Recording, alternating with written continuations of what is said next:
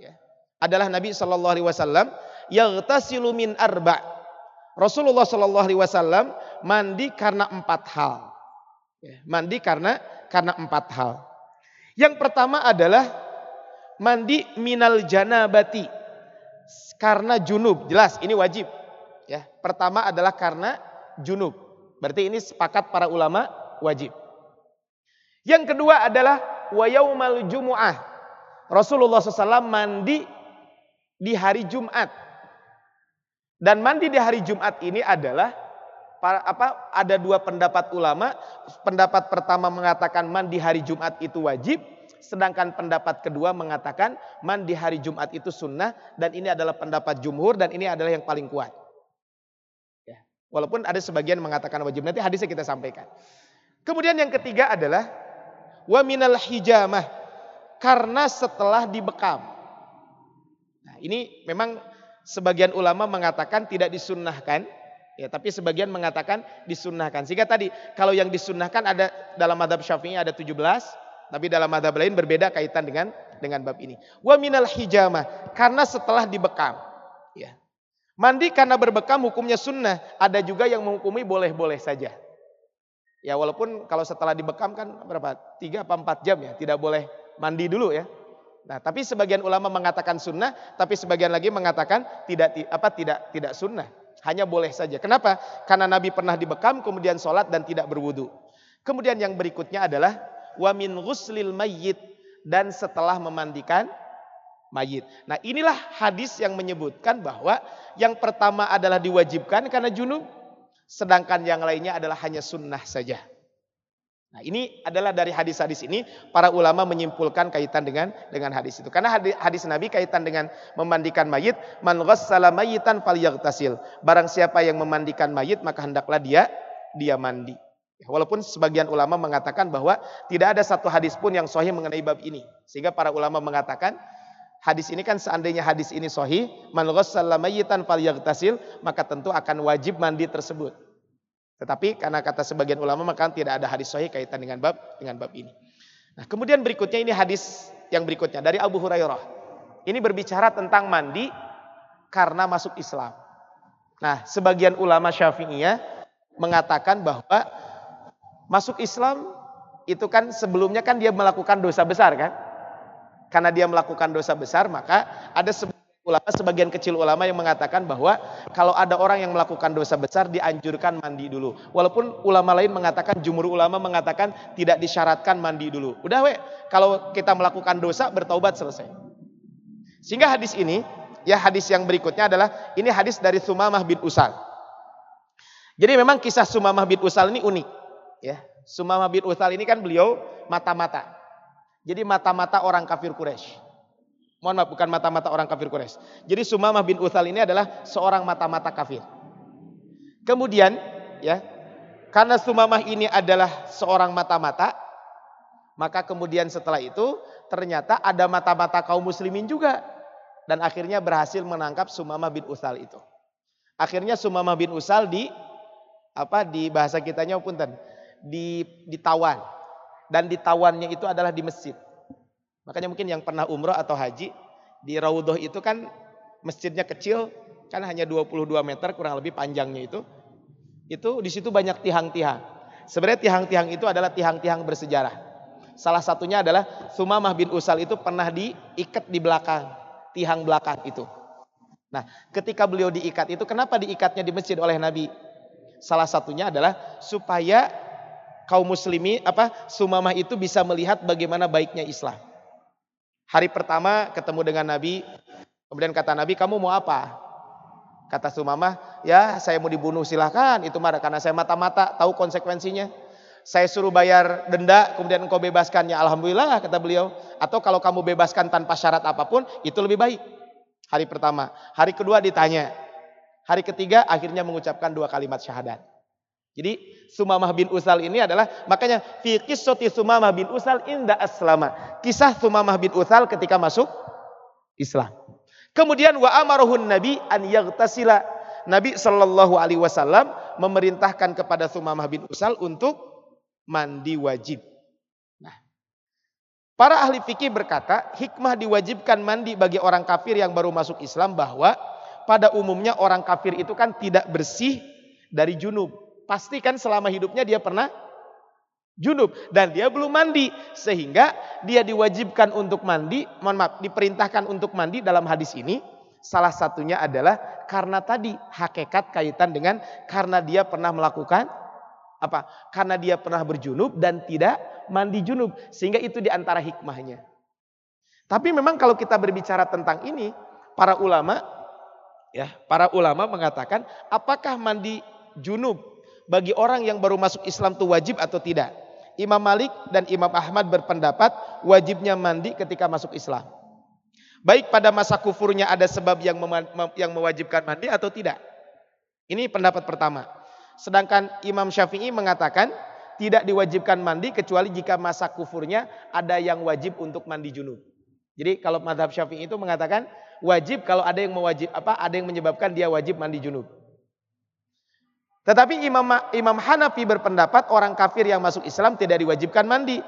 Mereka berpedoman bahwa Islam membatalkan sesuatu yang sebelumnya apa sebelumnya kafir dan seandainya setiap orang yang baru masuk Islam diperintahkan untuk mandi, maka pastilah diriwayatkan hadis Nabi yang mutawatir bahwa para sahabat Nabi yang dulunya kafir pasti dia mandi. Ada nggak kisah Umar bin Khattab mandi?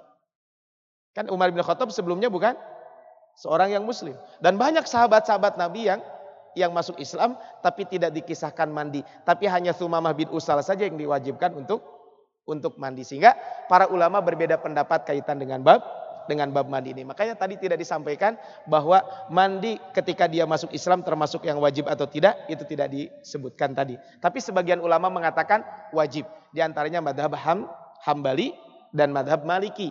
Adapun madhab syafi'i wajib kalau ada sesuatu yang mewajibkan dia untuk mandi junub. Contohnya ya karena dia punya istri dan dia punya anak pasti pernah melakukan hubungan suami istri. Berarti dia wajib untuk mandi mandi junub. Nah, ini adalah kaitan dengan hadis ini. Sekali lagi hadisnya ada, tapi bagaimana para ulama ketika memahami apa? Ketika memahami hadis hadis tersebut. Nah, tapi wallahu alam kata Imam Al-Khattabi mengatakan bahwa mayoritas ulama berpendapat bahwa orang yang baru masuk Islam itu tidak diwajibkan untuk mandi, tapi hanya disunnahkan saja dia untuk untuk mandi. Baik, kita lanjutkan hadis berikutnya. Ini adalah hadis-hadis yang berbicara tentang apakah mandi hari Jumat itu wajib atau tidak. Baik, hadis pertama di sini. Dari Abu Sa'id Al-Khudri mengatakan guslu al-jumu'ati wajibun ala kulli muhtalim. Mandi pada hari Jumat hukumnya wajib bagi setiap laki-laki yang balik. Dari hadis ini ada dua pendapat, apa ada dua pelajaran buat kita. Satu, ulama mengatakan dari hadis ini bahwa mandi Jumat itu hukumnya wajib. Jadi mandi hari Jumat itu hukumnya wajib. Pendapat yang apa? Pelajaran kedua dari hadis ini adalah bahwa yang dianjurkan untuk mandi itu adalah orang yang sholat Jumat saja. Sehingga bagi akhwat kan tidak sholat Jumat, maka tidak dianjurkan untuk mandi. Tapi bagi akhwat yang sholat Jumat, maka tetap dianjurkan untuk mandi. Kalau di Indonesia ada yang masjid akhwatnya mengadakan Jumatan? Di sini ada nggak? Gak ada ya? Kayaknya jarang ya di Indonesia mah ya. Ada masjid yang perempuan sholat Jumat. Jarang ya. Kalau di Saudi banyak. Ya Masjidil Haram, Masjid Nabawi itu biasa mengadakan sholat Jumat kan yang perempuan pun boleh. Jadi bagi laki-laki itu wajib, tapi bagi perempuan sholat Jumat itu adalah boleh kalau dia sholat Jumat. Tapi ada satu hal buat para akhwat, punten. Ini ada di masyarakat, ya kalau di acara TV apa, kalau di acara TV kan ini tuh fakta atau mitos gitu ya. Nah kan di masyarakat kita suka ada keyakinan bagi para akhwat, bagi para ibu-ibu, teteh-teteh, bahwa katanya seorang wanita itu wajib sholat duhur itu kalau bapak-bapak sudah pulang Jumatan. Pernah dengar itu? Nah bagi bagi ibu-ibu, bagi teteh-teteh, bagi akhwat, maka sholat duhur di hari Jumat itu sama dengan waktu sholat duhur di hari-hari biasa. Jadi begitu adzan berkumandang, waktu duhur sudah masuk, ya sholat. Gak usah nunggu bapak-bapak pulang selesai Jumatan. Saya nggak kebayangin ya kalau di Indonesia sih belum saya belum pernah ngikutin Jumatan yang sampai satu jam. Saya di kampus saya dulu di Riyadh itu ada khotib Jumat itu di kampus saya itu khutbah paling lama. Jadi khutbahnya paling lama tuh di kampus saya dan khotibnya juga nggak pernah ganti. makanya khutbahnya itu bisa bersambung. Sebagaimana pernah disebutkan di pekan yang lalu. Jadi pernah saya uh, apa khutbah Jumat di kampus itu itu cerita tentang perang dari perang Badar sampai perang yang terakhir. Jadi minggu ini perang Badar, terus minggu depan pelajaran dari perang Badar, terus perang Uhud, pelajaran dari perang Uhud, terus aja. Jadi kayak mata kuliah sejarah. Dan khutbahnya itu lama banget. Khutbah pertama dengan khutbah kedua itu sama panjangnya. Jadi kalau khutbah kedua barakallahu li walakum itu kita mandi dulu itu masih keburu ke masjid. Saking lamanya. Makanya terkenal khutbahnya paling lama. Sampai saya itu pernah. Kadang saya nggak jumatan di kampus, jumatan di luar sebenarnya, di masjid luar sama teman-teman. Saya pulang, jadi pulang dari jumatan di tempat lain, itu di masjid itu masih jumatan. Saking lamanya, satu jam jumatannya. Dari khutbah apa dari assalamualaikum sampai sampai doa itu satu jam. Jadi khutbah pertama 30 menit, nanti khutbah kedua juga bisa jadi 30 menit. Jadi kalau tidur mah pulas lah gitu. Nah, nah ini kan kaitan dengan Jumatan. Kembali adalah bahwa Jumatan itu adalah bagi seorang, ya kebayang gitu ya, kalau seorang akhwat yang mengatakan bahwa Jumatan apa apa sholat duhur di hari Jumat harus apa harus selesai sholat Jumat dulu. Lamu Jumatan asajam kumaha? Kan kebayang baru sholat duhur jam satu kan enggak? Nah, tapi dari hadis ini guslul Jumat wajibun ala kulli muhtalim. Jadi mandi pada hari Jumat itu wajib bagi setiap orang yang muhtalim itu maksudnya apa? laki-laki yang sudah balik. Akhrajahu sab'ah. Hadis ini riwayat Imam tujuh. Artinya hadisnya sahih. Tapi hadis Samurah kata Samurah mengatakan dalam hadis apa? Dalam hadis berikutnya kata Samurah, "Man tawaddaa yaumal jumu'ati fabiha wa ni'mah." Barang siapa yang berwudu pada hari Jumat, maka dia telah cukup dan melaksanakan sunnah. Jadi bagi orang yang berwudu untuk sholat Jumat, maka dia telah mendapatkan sunnah. Kemudian waman salah dan siapa yang mandi pada hari Jumat, fal ghuslu afdal, maka mandi itu adalah lebih utama.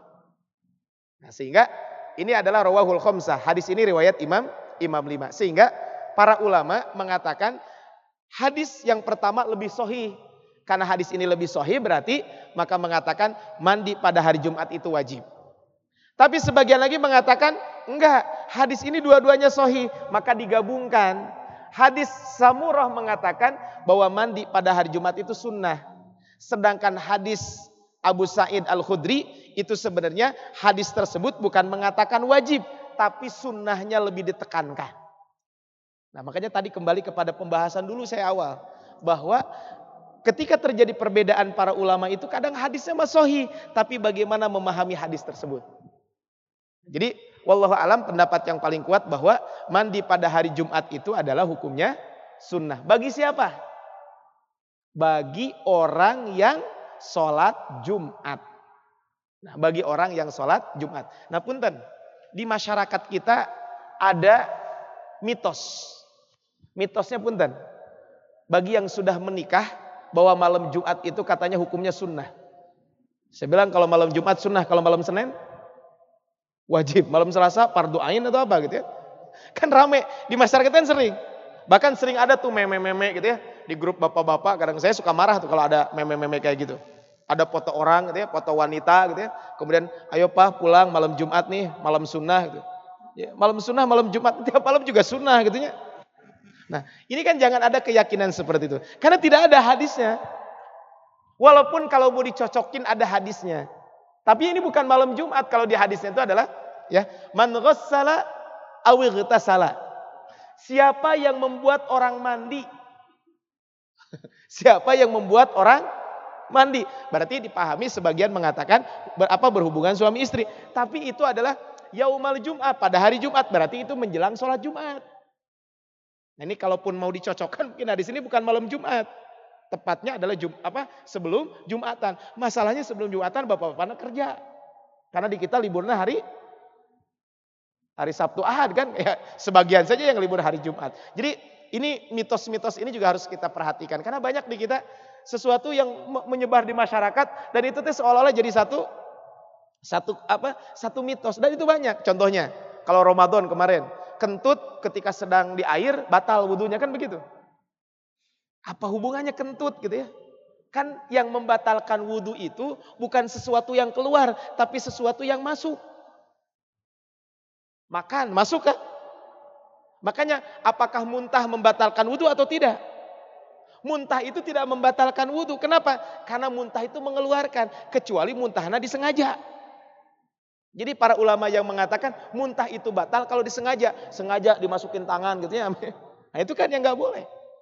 Nah ini adalah kaitan dengan hal-hal seperti ini perlu kita perlu kita perhatikan. Karena banyak mitos-mitos seperti itu. Jadi sekali lagi dari hadis ini bahwa mandi pada hari Jumat itu hukumnya adalah sunnah. Terus bagaimana kaitan dengan mandi apa? Dengan mandi Idul Fitri dan Idul Adha. Maka mandi Idul Fitri dan Idul Adha memang tidak disebutkan di dalam hadis ini. Ya, itu nanti disebutkan di dalam ketik apa di dalam hadis yang berbicara tentang sholat Jumat. Apa mohon maaf, sholatul idain, sholat idain. Kemudian nanti kaitan dengan mandi gerhana, gerhana bulan dan gerhana matahari itu adalah dibahas di pembahasan sholat gerhana. Nah, tapi hadis berikutnya ini tadi yang disampaikan. Karena Rasulullah SAW yukri'un al-Quran malam yakun junuba. Adalah Nabi SAW biasa membacakan kami Al-Quran selama beliau tidak dalam keadaan junub. Sehingga dari hadis ini para ulama mengambil kesimpulan bahwa bagi orang yang junub itu dilarang membaca Al-Quran. Ya, bagi orang yang junub dilarang membaca Al-Quran. Terus bagaimana bagi wanita haid? Kalau bagi wanita haid sebagian mengatakan boleh, sebagian mengatakan tidak boleh. Ya, walaupun saya lebih cenderung mengatakan boleh-boleh saja bagi wanita haid untuk membaca Al-Quran. Tapi kalaupun ada yang mengatakan tidak boleh ya kita saling bertoleransi saja kaitan ini. Jadi dari sini diambilnya. Jadi bahwa wanita junub tidak boleh membaca Al-Quran. Yang kedua adalah la yamassuhu illal mutahharun.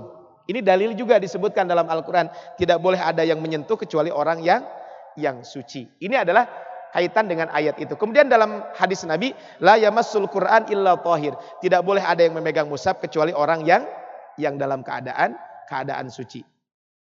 Kemudian berikutnya adalah ini punten ya, ini sunnah. Sunnah Nabi. Kata Abu Sa'id Al-Khudri, "Ida ata ahadukum ahlahu." Ini bahasanya kiasan. Apabila salah seorang di antara kalian mendatangi keluarganya, punten, maksudnya melakukan hubungan suami istri. Wa arada an ya'uda. Kemudian dia menginginkan untuk apa ya bahasanya?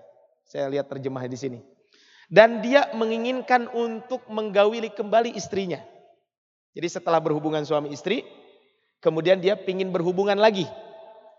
Maka kata Rasulullah, "Faliyatawaddo", maka hendaklah dia berwudu bainahuma, punten, di antara hubungan dua apa? Di antara hubungan suami istri dua kali tersebut. Hubungan suami istri, hubungan suami istri. Maka di antara keduanya dianjurkan untuk wudhu terlebih dahulu. Rawahu Muslim hadis riwayat Imam Muslim. Wazada Hakim fa innahu ansyatul aud. Karena itu akan menambah semangat untuk mengulang kembali hubungan suami istri tersebut. Ini mas sunnah saja gitu ya.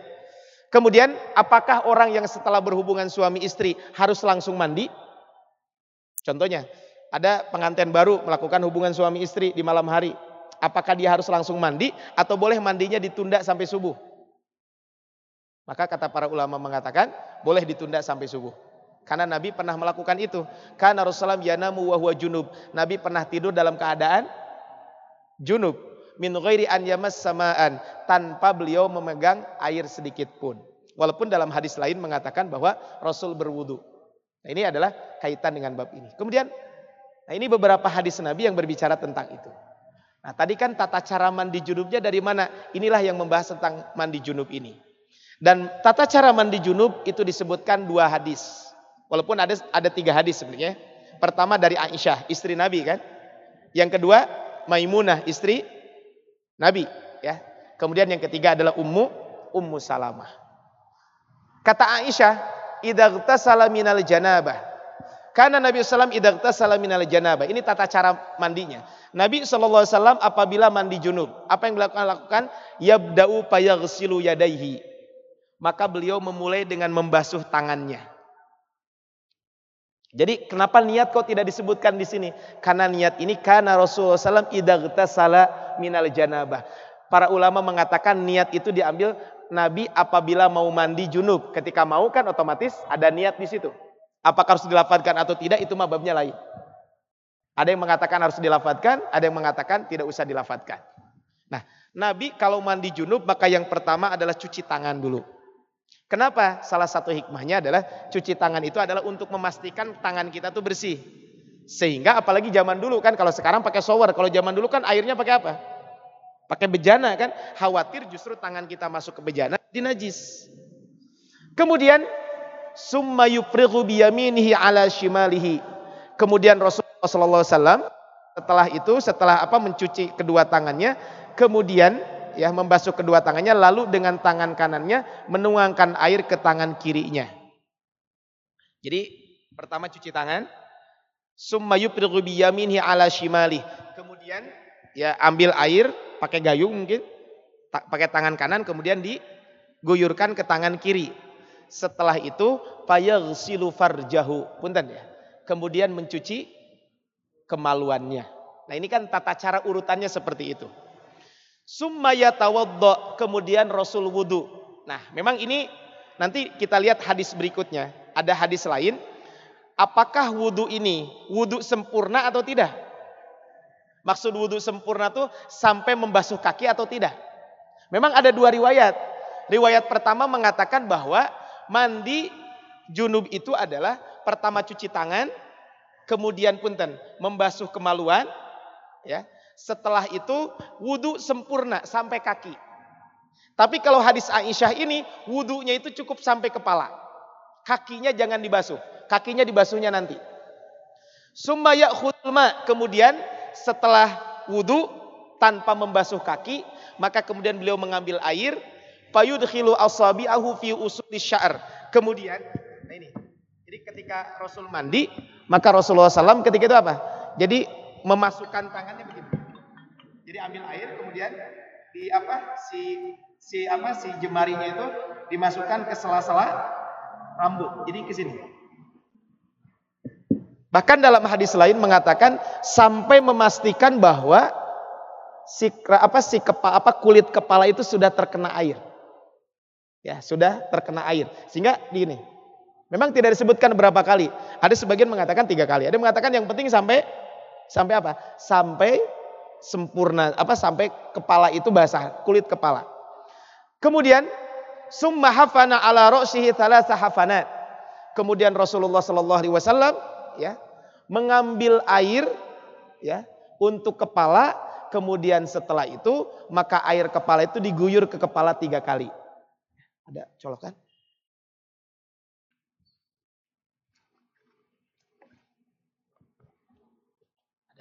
Colokan?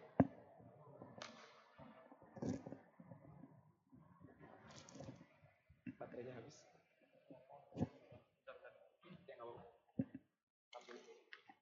Masih masih ada waktu.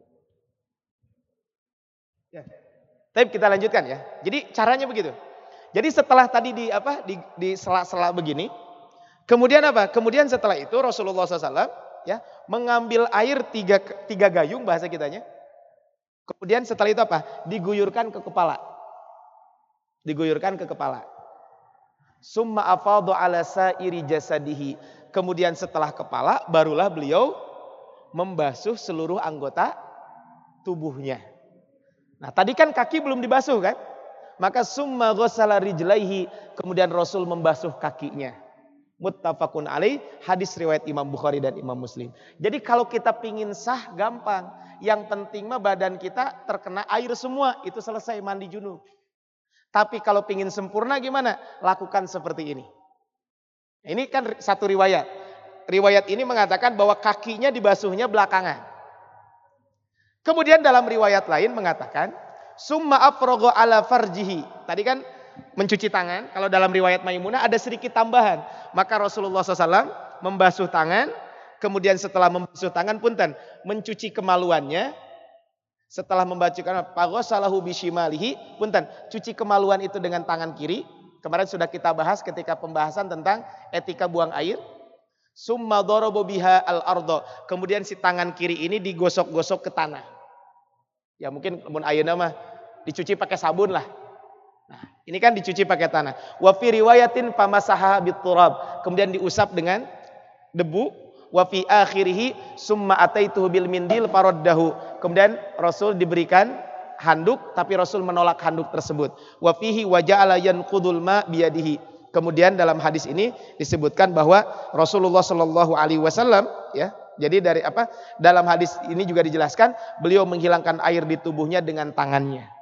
Jadi bukan berarti ini larangan pakai handuk apa pakai handuk enggak gitu ya. Boleh-boleh juga kalau kita mandi setelah itu menggunakan handuk. Ini hadis Nabi berbicara tentang itu. Di sini nggak tahu ada akhwat yang rambutnya panjang. Kalau kalau yang jilbab sih biasanya enggak ya. Kan suka ada yang rambutnya panjang tuh. Nah, yang rambutnya panjang kan punten. Apa kalau diuntun tahu diuntun? Diuntun apa ya?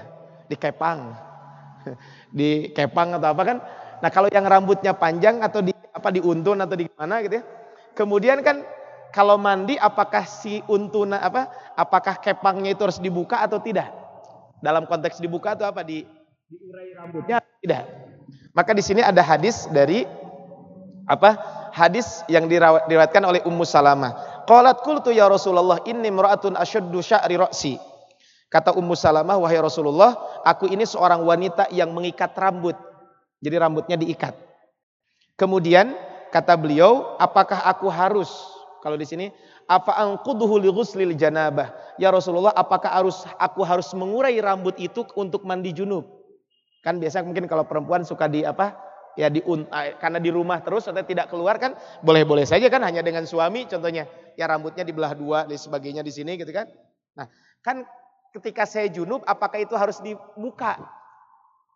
Kemudian wa riwayatin wal haidah dan setelah mandi apa setelah haid. Jadi pertama mandi junub, yang kedua haid. Qala la kata innama yakfiki antahis antahsi ala ru'siki salah sayat. Kata Rasulullah SAW, tidak usah dilepas ikatan tersebut, cukuplah kamu tuangkan air ke kepala kamu dengan tiga kali tuangan. Maksudnya yang penting mah adalah kulit rambut, apa kulit kepalanya itu adalah air sampai ke kulit kepala tersebut. Nah ini adalah beberapa riwayat yang berbicara tentang tata cara mandi. Ada riwayat lain mengatakan begini. Jadi kalau setelah mandi, mandi junub itu kan gini. Kan mandi, cuci tangan dan sebagainya terus. Nah cuci kakinya belum. Ada riwayat lain mengatakan ketika cuci kaki pindah tempat. Jadi contohnya mandi di sini. Nah ketika cuci kaki, dia pindah tempat. Baru setelah itu cuci kaki. Ini adalah tata cara mandi Nabi Shallallahu Alaihi Wasallam. Jadi ini adalah kalau kita ingin mandi yang sempurna. Dan ternyata kalau kita melakukan ini tentu kita akan mendapatkan pahala yang besar di sisi Rasulullah Shallallahu Alaihi Wasallam. Terus punten, bagi suami istri boleh nggak mandi bareng? Boleh, nggak apa-apa. Mandi apa di apa di rumahnya, contoh di hotel gitu ya karena lagi nginep di hotel, mandi di betap bareng-bareng boleh. Boleh nggak apa-apa mandi junub contohnya. Ya, hari mandi biasa mah babnya lain. Kenapa? Karena ini ada kehau apa? Ada anggapan sebagian orang bahwa kalau laki-laki sedang junub, wanita sedang junub itu najis sehingga mandinya adalah jadi najis. Enggak. Jadi boleh-boleh saja. Kata kata Aisyah, kuntu aghtasilu wa ana wa Rasulullah sallallahu min ina'in wahid. Aku dulu pernah mandi bersama Nabi di satu bejana. Takhtalifu aidina fihi minal janabah. Kata Aisyah radhiyallahu anha, kata beliau dan ya, tangan kami bergiliran memasuki kebejana tersebut. Hadis riwayat Imam Bukhari dan Imam Muslim, wazada Ibnu Hibban watal taqi tangan kami pun kadang bertemu. Ya mungkin kalau apa kalau mandinya pakai gaya apa pakai ember gitu kan. Kan ada ya di beberapa tempat masih pakai ember. Terus kalau pakai shower gimana? Ya sama pakai shower juga sama saja. Nah cuman kan tadi kalau mandinya kan tiga kali guyuran. Terus kalau pakai shower kumaha? Apakah sekali buka gitu? Ya itu malah teknis aja gitu ya. Mau apa? Teknis saja seperti itu. Tapi ada juga tata cara mandi yang lain yang disebutkan kalau tadi kan di hadis-hadis ini disebutkan bahwa Rasulullah SAW ketika mandi apa? Ketika mandi membasuh kepala tiga kali, kemudian setelah itu membasuh badan kan begitu? Maka ada riwayat lain mengatakan bahwa kalau mandi junub itu adalah kepala dulu tiga kali, setelah itu badan sebelah kanan, kemudian badan sebelah kiri tiga kali tiga kali. Kemudian setelah itu baru kaki. Jadi badan sebelah kanan, jadi kalau pakai shower ya, kalau pakai gayung enak kan, langsung tiga kali, kanan tiga kali, kemudian kiri Tiga kali. Nah ini adalah tata cara mandi junub yang diajarkan oleh Nabi Shallallahu Alaihi Wasallam. Saya kira ini penting. Mungkin kalau ada yang kesalahan ya tinggal kita perbaiki. Oh ternyata saya sudah tahu. Mungkin kita ajarkan ke yang lain. Walaupun sekali lagi adalah mandi junub itu adalah tinggal niat plus mengguyurkan air ke seluruh anggota tubuh. Ada satu ember air, kemudian saya niat mandi junub, tinggal guyurkan ke seluruhnya, itu beres mandi junub. Kalau kita pingin sah saja. Tapi kan kita bukan pingin sah saja, tapi kita pun adalah bagaimana mengikuti sunnah Nabi Shallallahu Alaihi Wasallam kaitan dengan mandi mandi junub tersebut sebagaimana diajarkan oleh Nabi Shallallahu Alaihi Wasallam dalam dalam bab ini. Maka inilah hadis-hadis yang berbicara tentang mandi mandi junub mandi junub tersebut. Jadi adalah kalau kita lihat tadi ya kembali ke apa ke apa ke ini ya yang tadi kita sampaikan di sini adalah kaitan dengan mandi junub ini. Ini sunnah-sunnah mandi junub itu adalah tadi diambil dari hadis Nabi SAW tersebut. Mohon maaf, bukan ini. Nah ini, kaitan dengan Nah ini sunnah-sunnah mandi tadi.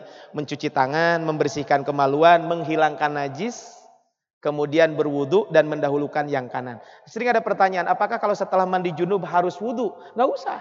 Selama tidak batal. Cuman kalau batal ya harus mandi Judul. Terus gimana? Nah ini kan juga disunnah. Kan memang para ulama berbeda pendapat kaitan dengan urutannya seperti apa. Apakah harus pakai sabun dulu atau tidak? Ya tentu bagusnya adalah mandi, mandi aja junub dulu. Setelah itu nanti kalau mau pakai sabun, pakai sabun baru setelah itu nanti diguyur lagi. Itu akan lebih lebih aman seperti itu. Karena jangan sampai nanti keramas kepala dulu dipakai sabun gitu ya. Memang sunnah nabinya adalah bukan seperti itu.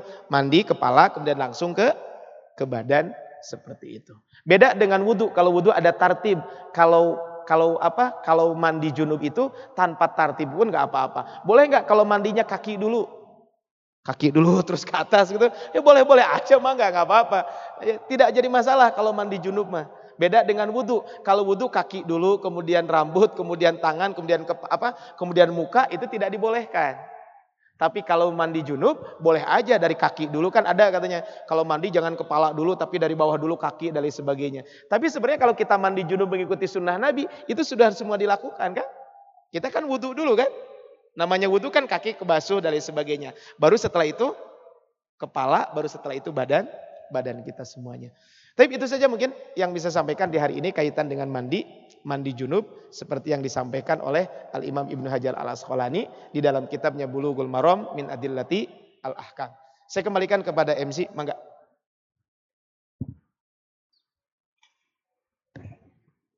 Ya, Bismillah. Alhamdulillah kita sekarang sudah tahu ya tentang materi mandi junub yang begitu penting tidak hanya untuk suami istri tapi bagi para jomblo visabilah juga tentu harus tahu bagaimana cara menijub yang benar ya bagi ikhwan akhwat. Dan untuk sesi pertanyaan ini kami akan membuka dua pertanyaan, ikhwan satu, akhwat satu. Oh, mangga kepada siapa? Apa? Silakan pertanyaannya.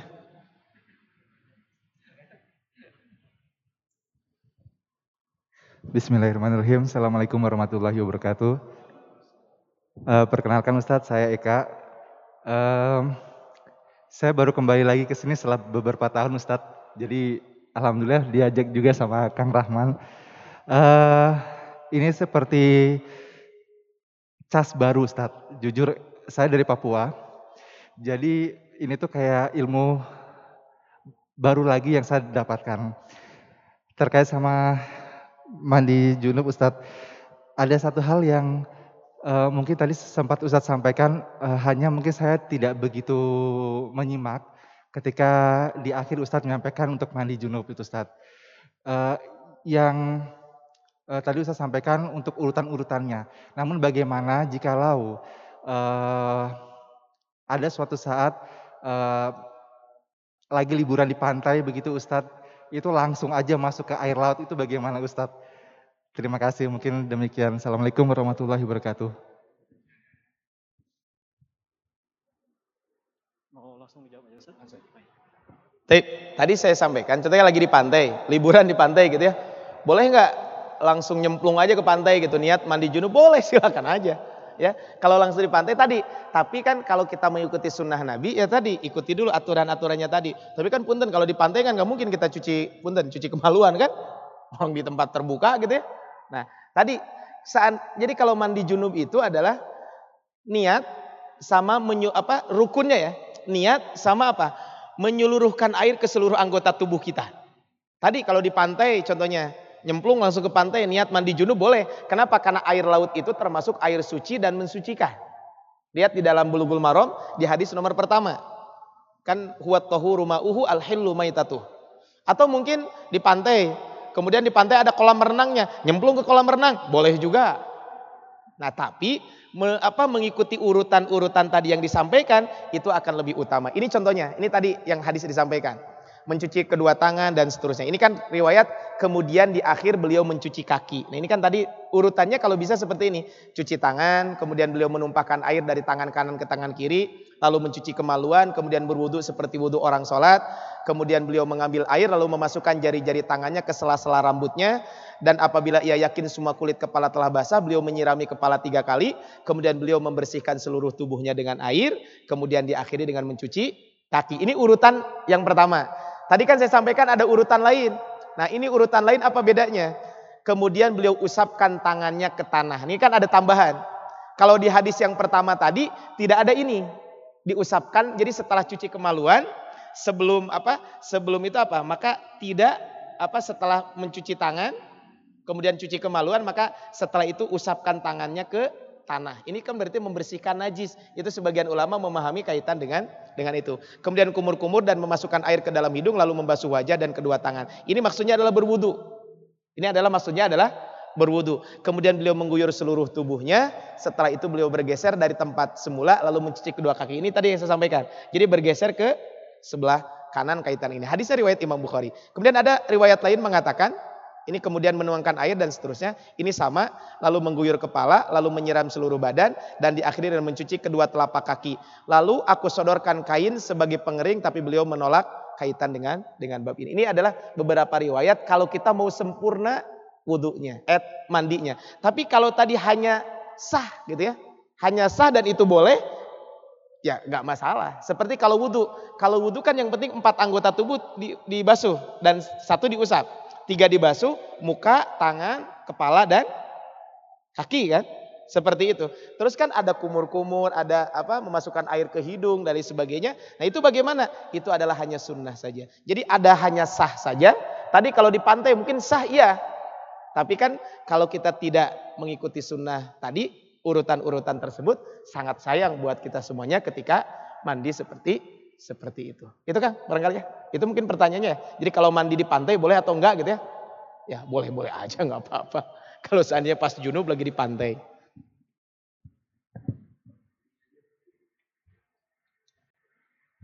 Untuk akhwat jika ingin bertanya bisa dengan melalui kertas. Silakan.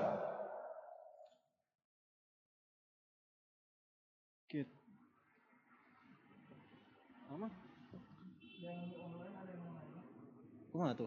Iya, woy. Oh, belum ada tanya Sampai jam berapa tuh?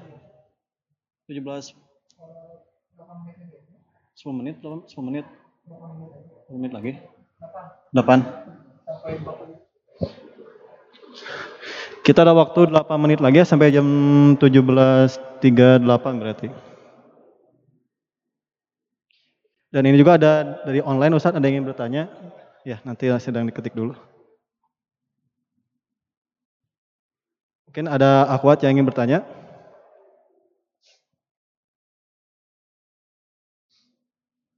Ya, mana? Hah? baca ini ya? Ya, baca ini.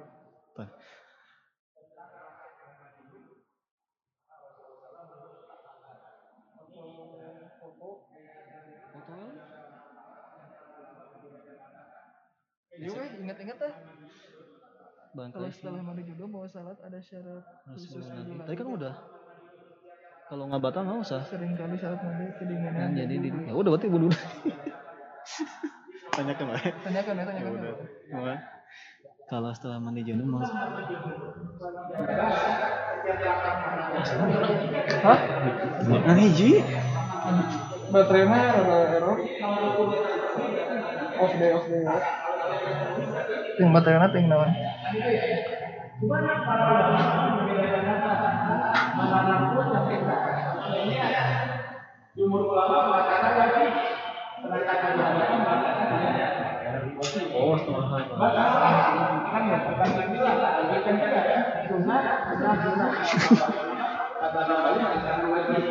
Iya, Ustaz. Sunnah. Ya, madhab Ambali mengatakan wajib. Kemudian menghilangkan najis dan kotoran. Madhab Syafi'i mengatakan wajib. Madhab yang lain mengatakan sunnah saja. Jadi ada yang disepakati, makanya contohnya wudhu, para ulama empat madhab sepakat sunnah. Kemudian meratakan air ke seluruh tubuh, ini wajib. Sehingga tadi tidak wudhu pun sah. Tidak cuci tangan pun sah. Yang penting meratakan air ke seluruh anggota anggota tubuh. Kemudian menyela-nyela rambut, menyiram kepala, ini kan sunnah. Intinya adalah tadi, sehingga kalau man, tadi jawaban tadi, kalau kita mandi di pantai atau mandi di kolam renang, dijebur niat mandi junub udah selesai gitu ya. Kalau kita melihat dari hadis-hadis yang disebutkan disebutkan ini. Ini Allah alam kaitan dengan dengan bab ini. Tadi ada yang mau bertanya, oleh? Oh, maka. Ya. Ini ada yang nanya melalui online Ustadz. Ini baca apa? Ingat saya pertanyaannya. Jadi bagaimana, apakah ada syarat harus wudhu lagi setelah mandi junub untuk saat sholat dan bagaimana ketika mandi junub itu kan kondisi lagi dingin dan suka keluar air kencing gitu Ustaz. Nah itu bagaimana kondisi seperti itu? Kan kalau lagi dingin suka keluar air kencing sedikit lagi mandi junub tuh. Oh ya, Taib, ya. Nah yang pertama tadi sudah disampaikan sebenarnya. Kalau setelah mandi junub apakah wajib wudhu? Kan wudhu itu menghilangkan hadas kecil. Kalau junub menghilangkan hadas besar. Kira-kira kalau setelah hadas besar, hadas kecil hilang nggak? Hilang. Berarti tidak wajib wudhu kalau setelah mandi junub. Kecuali ada hal yang membatalkan. Contohnya ini, mandi junub. Kemudian kan pakai sabun. Setelah pakai sabun, memegang kemaluan. Nah apakah batal atau tidak? Saya meyakini bahwa memegang kemaluan itu batal. Berarti setelah mandi junub maka saya harus berwudu. Atau lah nggak usah yang debatable. Tadi pertanyaannya, sedang mandi junub pipis gimana? Ya udah terusin aja nggak apa-apa. Dan tidak membatalkan mandinya. Cuma nanti setelah mandi junub harus berwudu. Contohnya pas uh, apa? Punten ya. Pas cuci tangan, kemudian apa? Uh, cuci kemaluan, kemudian mandi, setelah apa? Kemudian apa? Wudu gitu ya. Setelah pas setelah wudu, kemudian pas guyur kepala karena dingin pipis sedikit. Apakah batal mandinya? Enggak. Jadi nggak batal mandinya, terusin aja mandinya. Tetapi dia ada hadas kecil berarti. Kenapa? Karena pipis berarti nanti setelah dia selesai mandi, kalau dia mau sholat atau mau apa melakukan aktivitas ibadah, maka dia harus berwudu, berwudu lagi. Jadi itu ya kaitan dengan dengan bab mandi tersebut. Jadi tidak wajib wudu kalau setelah mandi besar, kecuali ada hal-hal yang membatalkan wudu tersebut. Nah ini ada satu lagi. Terus gimana caranya mandi kalau dingin banget? Apakah boleh mandinya diakhirkan sampai siang gitu ya?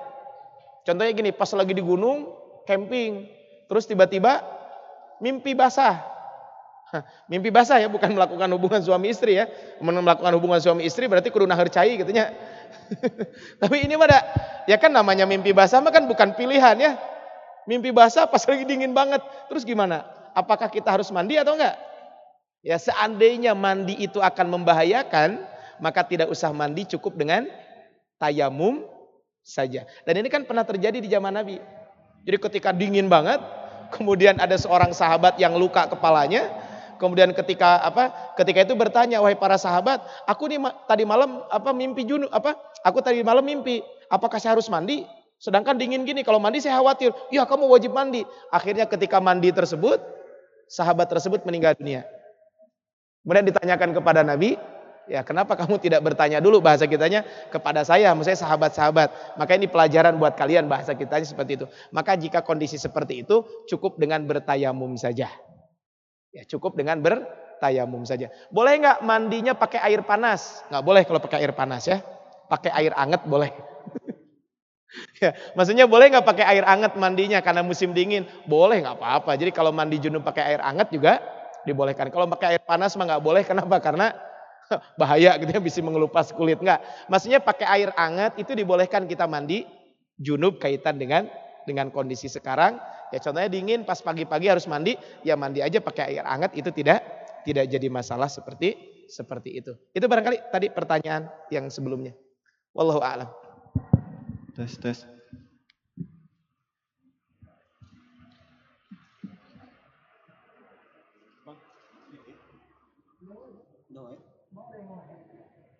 coba satu aja. Ya karena waktu juga sudah habis ya, jadi kita uh, mungkin tidak sudah tutup sesi pertanyaannya. Dan untuk menutup acara ini, untuk pada Ustadz, mungkin ada kalimat penutup untuk daurah ini Ustadz. Baik, uh, ikhwan wa Jadi begini ya. Di dalam masalah fikih itu ada yang cukup sah saja, jadi ada yang cukup sah ketika rukun terpenuhi, kewajiban terpenuhi itu namanya sah. Tapi ada yang sempurna dengan menjalankan yang yang sunnah. Nah, dalam konteks kita menjalankan wudhu, kemudian menjalankan mandi, kemudian termasuk nanti kalau kita pembahasan tentang sholat, maka usahakan kita pun tetap menjalankan sunnah-sunnahnya. Nah, ini tetap menjalankan sunnah-sunnah yang diajarkan oleh Nabi Shallallahu Alaihi Wasallam. Tetapi kaitan dengan rukun, wajib, sunnah itu ada beberapa hal yang memang para ulama berbeda pendapat. Kenapa? Karena ini tentu adalah ini wajib, ini rukun, ini syarat, ini sunnah, itu adalah ijtihad para ulama. Karena Nabi tidak mengatakan ini sunnah, ini wajib enggak gitu ya. Sehingga kita harus bertoleransi dalam bab itu. Maka dalam konteks ibadah tadi, ibadah yang wudhu, kitab tuharoh ini, maka usahakan kita mengikuti sunnah Nabi Shallallahu Alaihi wasallam. Ya, itu istilah para ulama gitu ya, tapi Nabi mencontohkan seperti itu. Contohnya kemarin, apakah kalau kita cebok pakai tangan kanan boleh atau tidak? Ya boleh-boleh aja gitu ya.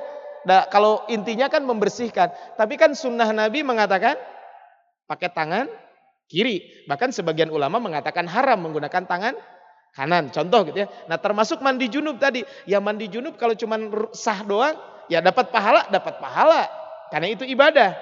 Tetapi tentu akan lebih utama ketika kita menjalankan sunnah-sunnah Nabi Shallallahu Alaihi Wasallam. Tapi sekali lagi dalam konteks ini rukun, ini sunnah, kadang ada yang disepakati oleh para ulama, tapi ada juga yang di, para ulama berbeda pendapat. Contohnya tadi mandi yang disepakati oleh para ulama adalah apa wajibnya atau rukunnya menyeluruhkan air ke seluruh anggota tubuh kita. Itu yang disepakati. Tapi para ulama mengatakan ini sunnah, sunnah, sunnah dan sebagainya. Kalau bisa sunnah tersebut tetap kita jalankan dalam konteks kita menjalankan ibadah-ibadah yang diajarkan oleh Nabi Shallallahu Alaihi Wasallam. Tapi sekali itu saja mungkin yang bisa disampaikan. Mudah-mudahan bermanfaat. Apa yang disampaikan. Billahi fisabilil haq. Wallahu mafiq alakumit tariq. Nasrul min fatung qarib. Ihdinas siratal mustaqim. Fastabiqul khairat. Assalamualaikum warahmatullahi wabarakatuh.